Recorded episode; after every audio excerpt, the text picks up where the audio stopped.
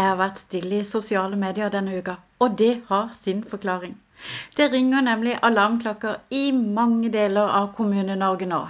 Selv om Helsekommisjonens rapport har kommet litt i forgrunnen bare de siste par dagene, er det liten tvil om at mange kommuner har fanget opp de høye mobbetallene.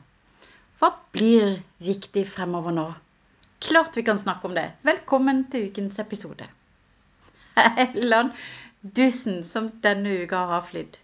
Som du vet, har jeg vært på reise, og det har slettes ikke vært å ligge på ei strand nede i Syden med en gin tonic eller juice i hånda, og hvor den største utfordringen er hvorvidt en blir solbrent om en ikke snur seg i tide, for å si det sånn.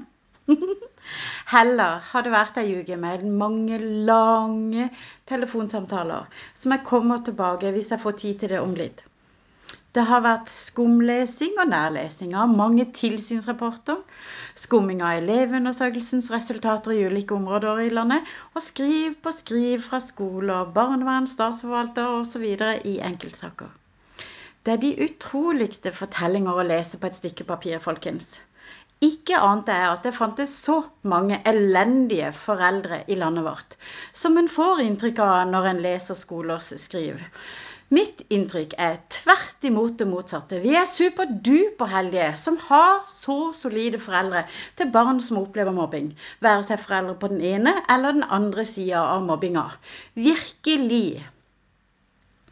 Ja, og ikke minst har det gått mye tid til å skrive uttalelser til ulike offentlige instanser, som forklaring på hvordan saker havna på den enkelte instansens kontor, og overhodet ikke har noe der å gjøre. En siste ting det har gått mye tid med de siste, den siste uka, er å få instanser til å behandle klager på soleklare, beviselige feilhåndteringer av dokumenter. Det er helt forunderlig å se hvordan instansene gjør hva som helst for å slippe å ta i det i saker som deres egen sektor, altså et annet offentlig kontor, har gjort noe feil. Ja ja, jeg tenkte vi kunne ta en episode om det når alle instansene er ferdige og utfallet blir klart. Det er nok noen tips og triks å hente for deg om du er forelder, så vi får ta det da. Men for å snirkle oss nærmere dagens tema, må jeg bare få si én ting til først. Ikke reis en drøy uke og legg igjen laderen til PC-en. Alt det jeg nå har forklart deg at jeg har gjort, har jeg gjort via mobilen. Veldig upraktisk, altså. Og som om det ikke var nok, så skulle jo selvfølgelig e-postleverandøren som jeg bruker, akkurat denne uka endre sine serverinnstillinger, altså innstillingene på server, så da måtte jeg gjøre noen endringer på, på mobilen. Så da ble det utsending av dokumenter og skriv, både forsinka og så fikk de det to ganger. Det gjør jo for så vidt ikke noe, men jammen er det flaut. Ja, ja. Uka er over. Vi kan gire opp til det neste. For nå er PC-en og jeg strålende fornøyd med både å være hjemme og få strøm på, på PC-en og klar for dagens tema.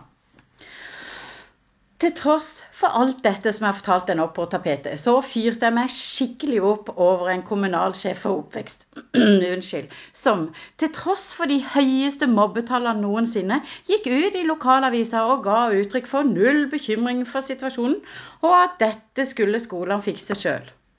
Hallo, tenker jeg da. Slike vente-og-se-strategier er kanskje akkurat det som har fått miljøene på skolene i kommunen til å utvikle seg så negativt, eller hør? I hvert fall så kan jeg fortelle deg at det ble liv i fingrene på det lille mobiltastaturet, og sendte inn et debattinnlegg som svar. Jeg pleier jo ikke å gjøre det, men jeg tror det faktisk er på tida å lage litt støy. Ok, Så det jeg gjør i innlegget, da, det er å peke på betydningen av nettopp at nettopp lederen må lede an i arbeidet som skal gjøres. Jeg nevner noen punkter, og jeg tenkte vi kunne ta de opp og så prate litt rundt de. Men først, bare en liten intro.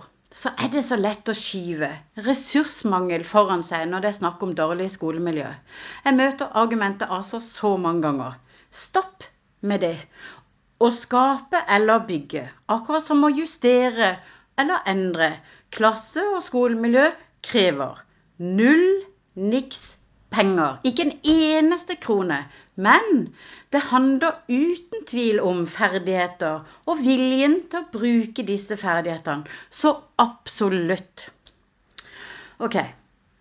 Utgangspunktet for nå å gå i gang med arbeidet, det er selvfølgelig Jeg hørte ikke? Ja, klart det, barna. Det som gir effekt for barna nå, det er for det første at de voksne i skolen har ferdighetene til å snu negative sosiale hierarkier og miljøer i klasser, på tvers av klasser og trinn, og i skolemiljøet generelt. Er du lærer, som jeg har sagt tidligere, så har du disse ferdighetene inne og kan hente de frem fra undervisning, fra elevers læringsprosesser, det du gjør når du reflekterer over eller monitorerer egen og elevers utvikling. Du kan hente det fra justeringer som gjøres for å møte både nivå, faglige og konkrete grupper osv.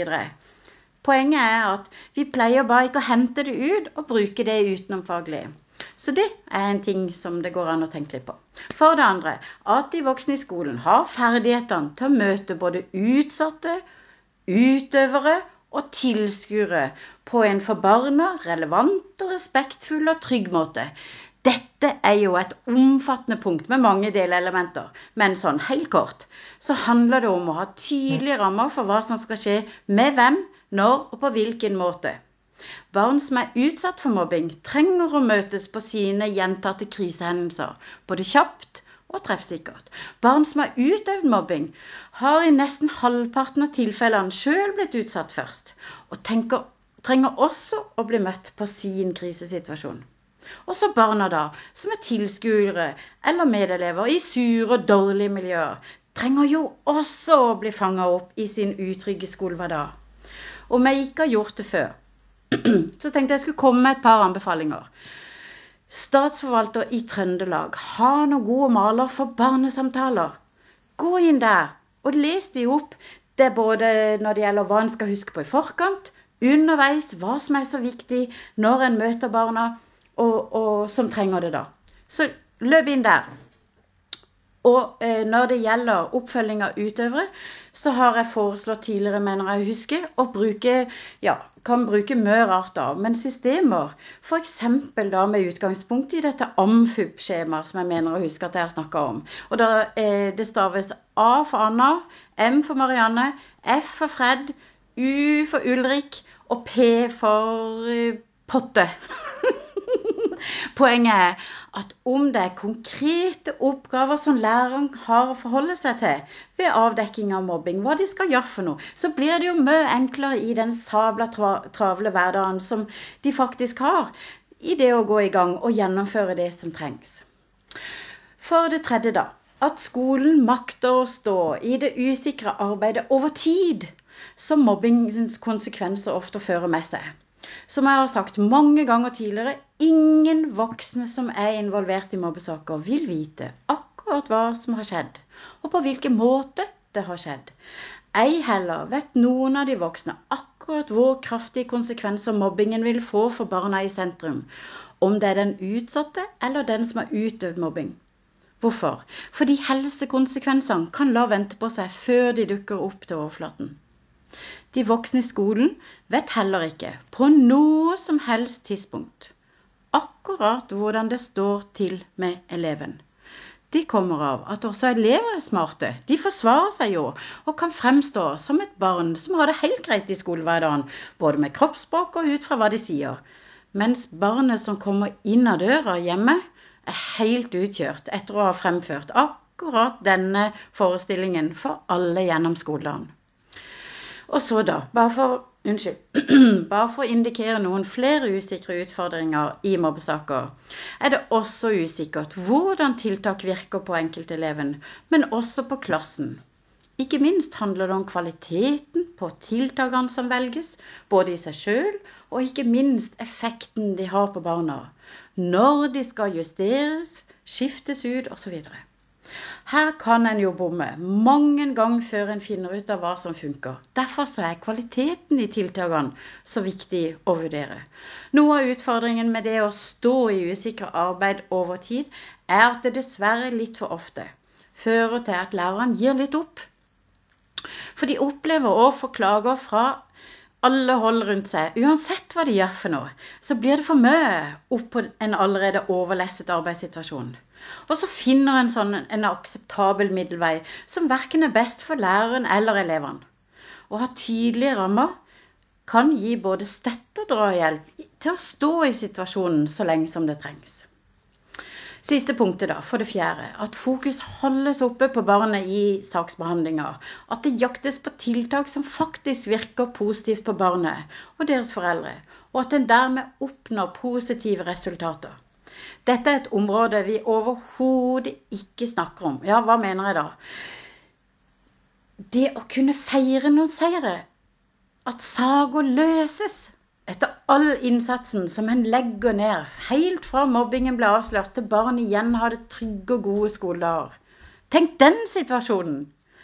Kanskje er det enda bedre følelse enn når en lærer takker av, eller en forelder sender barna sine ut.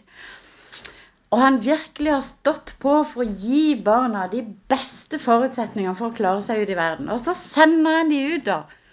Og så vet en at ja, jeg har gjort en god jobb. Kjenner du igjen den følelsen? Hver eneste forelder og lærer, som i hvert fall foreldre som er gamle nok, sånn som jeg er, vet akkurat hva jeg snakker om. Det går de godt. Vi tror at det går de godt. Poenget med disse punktene og debattinnlegget for så vidt er å peke på behovet for å ta tak i praksis på alle nivåer. En kommer ikke unna at forutsetningen for læring og utvikling er at elevene opplever sine omgivelser trygge og gode, sånn at de faktisk kan fokusere på opplæringa. Lederne over rektor må med og ta styring når det nå skal gjøres tidenes jobb med å få snudd de høyeste mobbetallene noensinne. Lederne må sørge for at rektorene får den støtte og drahjelp som de trenger, som gjør at rektor igjen gir støtten og drahjelpen til lærerne, som så opplever støtten til å stå i smørøyet helt til elevene i sentrum igjen opplever skolehverdagen trygg og god nok til at det blomstrer og kan fokusere på læring og utvikling igjen. Du ser hva jeg mener? Hvis barn trives, har foreldre det bra, da er det råkult å stå i klasserommet for læreren, og rektor nedleses ikke av merarbeid og møter, som igjen gir overskudd hos rektor til å skape nye aktiviteter som gjør at elevene har det enda bedre, som gjør at elevundersøkelsen viser grønne tall, og lederne igjen kan rette fokusen sitt mot ordinære oppgaver. Du vet, ja, som papirarbeid. Frem til da bør papirer bli liggende. Det er i praksis løsningen ligger. God uke!